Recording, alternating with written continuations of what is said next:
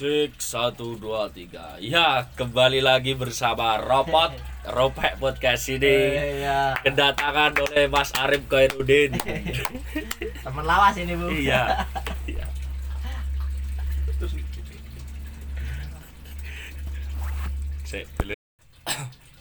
Ya selamat pagi Mas Arif. Ya pagi Mas Ius Robi. Jauh-jauh dari Bojonegoro ini saya undang ke Ngawi. Iya, tetangga kota Mas. Gimana Mas kabarnya Mas? Alhamdulillah untuk saat ini dan untuk seluruhnya sehat selalu Sehat, Mas. pokoknya Mas Is. Iya. ngomong-ngomong tentang pekerjaan nih mas sekarang menekuni di bidang apa mas Ya sekarang masih ini kerja di Pertamina. wah sekarang di Pertamina mas Iya, dulu kan ya kamu tahu sendiri lah sampean kan dulu kan selalu CS saya lah. Tahu lah sekolah kayak gimana dulu. Ya alhamdulillah aja disyukur, disyukuri aja. ya ini ngomong-ngomong kok bisa masuk di Pertamina itu awalnya awal cerita itu gimana mas Iya. soalnya kan dulu eh, setahu saya kan itu ada sebagai kulison sistem mas kok sekarang bisa mohon maaf nih mas ya, Ya, dulu kan aman, ya. kulison sistem sekarang kok bisa di Pertamina ya gimana Mas ya? Dulu sampean tahu sendiri lah saudara sam- duluan saya kulison. Tapi di samping itu semua dulu kan eh, sebatas buat sampingan aja Iya. Mas. Kalau dulu kalau mau minta mau jajan mau ini ini kan harus punya uang. Iya. Kalau saya nggak kerja nggak punya uang tahu sendiri lah. tapi kan itu masih masa SMA mas Iya. pernah bolos sekolah mas Wah sering lah kalau itu. Kalau saya lebih mentingin uang daripada sekolah. ya kayak gitulah. Ya intinya tapi gak, gak baik untuk terus Iya, semuanya. iya, iya. Kayak sampai udah kuliah, ya pikirnya kuliah. Eh, dulu saya kan intinya dapat uang seneng lah kayak gitu. gak Jadi- sekolah duit duit seneng mas Ya seneng pol, wis pokoknya seneng pol. Hmm. Jadi awal ceritanya dulu itu ya lulus sekolah, lulus Iya. sekolah ada tetangga saya yang nawarin. Kamu ya bukan bukan Pertamina sih Mas, itu kayak proyek Pertamina lah Oh, ibaratnya iya. migas kayak pengeboran minyak atau gas kayak gitu lah. Saya dulu kan ya tahu sendiri habis langsung lulus langsung bisa ke situ kan modal pengalaman aja. Nggak nggak nggak ijazah nggak ini nggak apa-apa. Eh, modal ijazah SMA SD sama itu aja. Iya. Nah, sampai di sana disuruh eh, buat lamaran. Pada saat itu kan dulu belum saya belum ijazah belum keluar mas itu. Iya intinya ya ke sana bawa KTP bawa apalah semacam kalau lamaran kerja ya gitu kan SKC Iya. ada sembarang kalian itu kan BWP lah. Ke sana dulu langsung dites. Alhamdulillahnya saya kan dulu ikut kulisan itu juga ada manfaatnya juga mas itu. Berarti waktu ikut kulison bolos itu juga ada ya manfaatnya juga. belajar juga. cuman kan nggak ada istilahnya sekolah intinya kita kan belajar dulu. Sampai jadi bisa ke listrik Nah, sampai sana dulu di di apa di tes eh, untungnya tesnya itu menekuni bidang pengalamannya masing-masing jadinya ya saya langsung ikut tes di listrik alhamdulillah bisa lolos sampai kerja Iya. sampai saat ini Iya. gitulah mas ya ngomong-ngomong tadi kan anda bilang tetangga yang Ah. nawarin kerja di sana Hmm. Nah, sosok tetangga itu siapa sih Mas? Apa Anda punya eh, hutang budi sama beliau? Apa beliau punya hutang budi sama panjenengan gitu? Oh, jadi Itu gi- gimana? Oh, jadi gini dulu itu. Saya sering eh, istilahnya apa ya? Dulu kalau ada acara saya sering bantu di situ. Kebetulan istrinya dia kan eh, ini apa kayak sama-sama itu dekor Oh, apa iya. rias kayak gitu lah. Saya kalau kalau tukang tukang son yo nang dindi marek-marek lah Mas ya, sembarang. Sampai akhirnya eh, kenal sama suaminya itu. Ya abah saya juga itu tetangga saya itu ya. Dia nyuruh saya buat eh, pokoknya kalau ada acara terus ngisi terus di situ sampai akhirnya kenal kenal kenal. Ya kita nggak tahu kan suaminya kerja apa ternyata Iya. kerjanya di sana. Ya kalau masalah pangkat di sana apa itu saya kurang tahu mas. Intinya kalau dia nawarin gitu ya kita cobalah mas yeah. ya. Kita akan coba ya gitulah mas di awal mulanya. Bikin. Untuk uh, kesan pertamanya kerja di Pertamina itu gimana ya mas ya? soalnya kan dulu anda itu seorang kulison yeah. terus sekarang bisa kerja di Pertamina di migas. Soalnya kan kayak orang ngelihat kan kayak langit bumi lah ya. Nggak bisanya kayak gak nyambung gitu. Gimana mas kesannya pertama itu?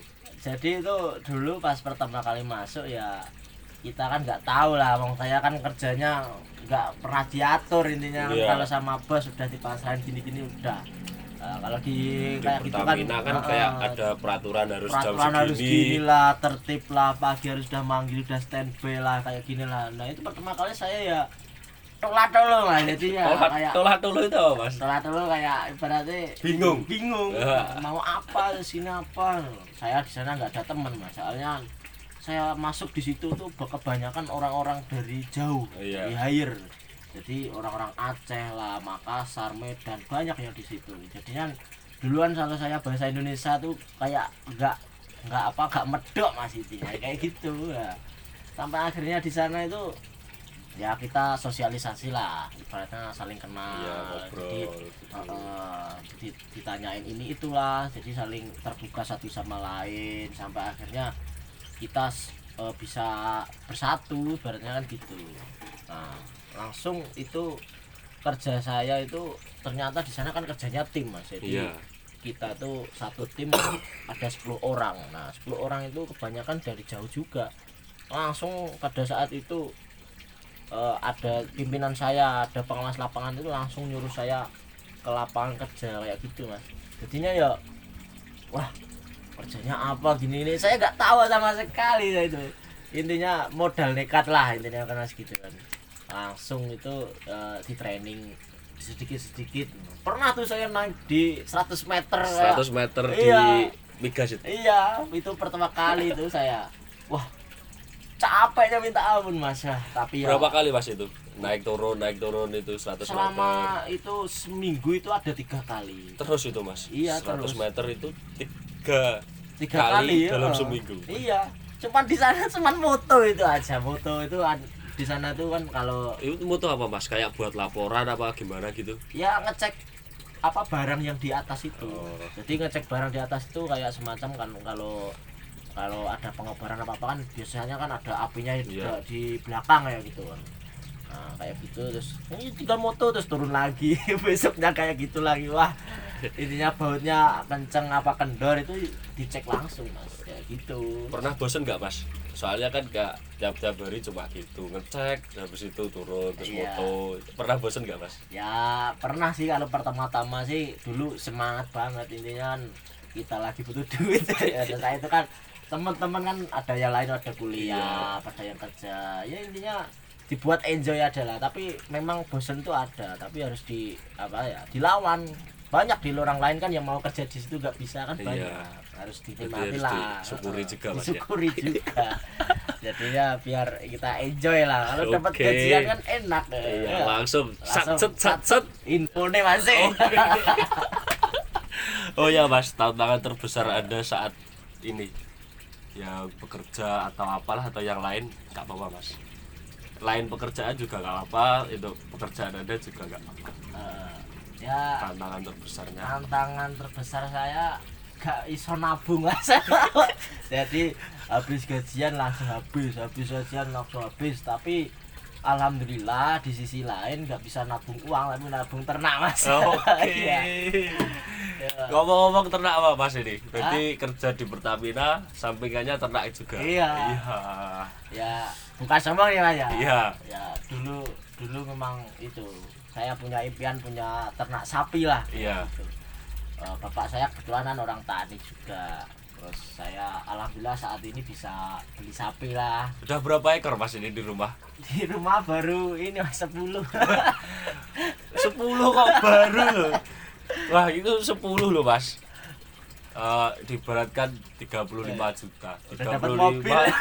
kali 10 loh udah dapat Innova loh, Mas itu. iya tapi mikir saya kan apa ya eh, carilah benda yang bisa berkembang intinya kayak Oke. gitu iya Eh, itu tapi bukan di rumah semua mas saya Eh, dititipkan apa punya kandang tersendiri Eh, jadi kan sistemnya di desa itu kayak gini kita kebanyakan sapi kalau kita yang sing ngopeni awake dhewe tok ya gak ngerah kuat mas Hmm. ya kan kan pakan jadi kayak nyuruh orang ngurusin sapi gitu mas iya kan gak enak lah sama Iya. orang tua juga masa udah tua masa disuruh itu apa ngurusin ternak dan lain. tapi ya dititipkan ke tangga yang mau ini nanti kan hasilnya bisa itu kembali di belakang. Kayak gitu mas sistemnya. Ini eh, masih muda tapi juga udah bisa investasi gitu wah idaman banget ini untuk eh, para wanita ya. Malah wanita mas? Udah punya pacar apa belum mas ini mas? Untuk saat ini belum belum mas sulit sekarang ini mas. Wanita itu kan banyak mandang fisik.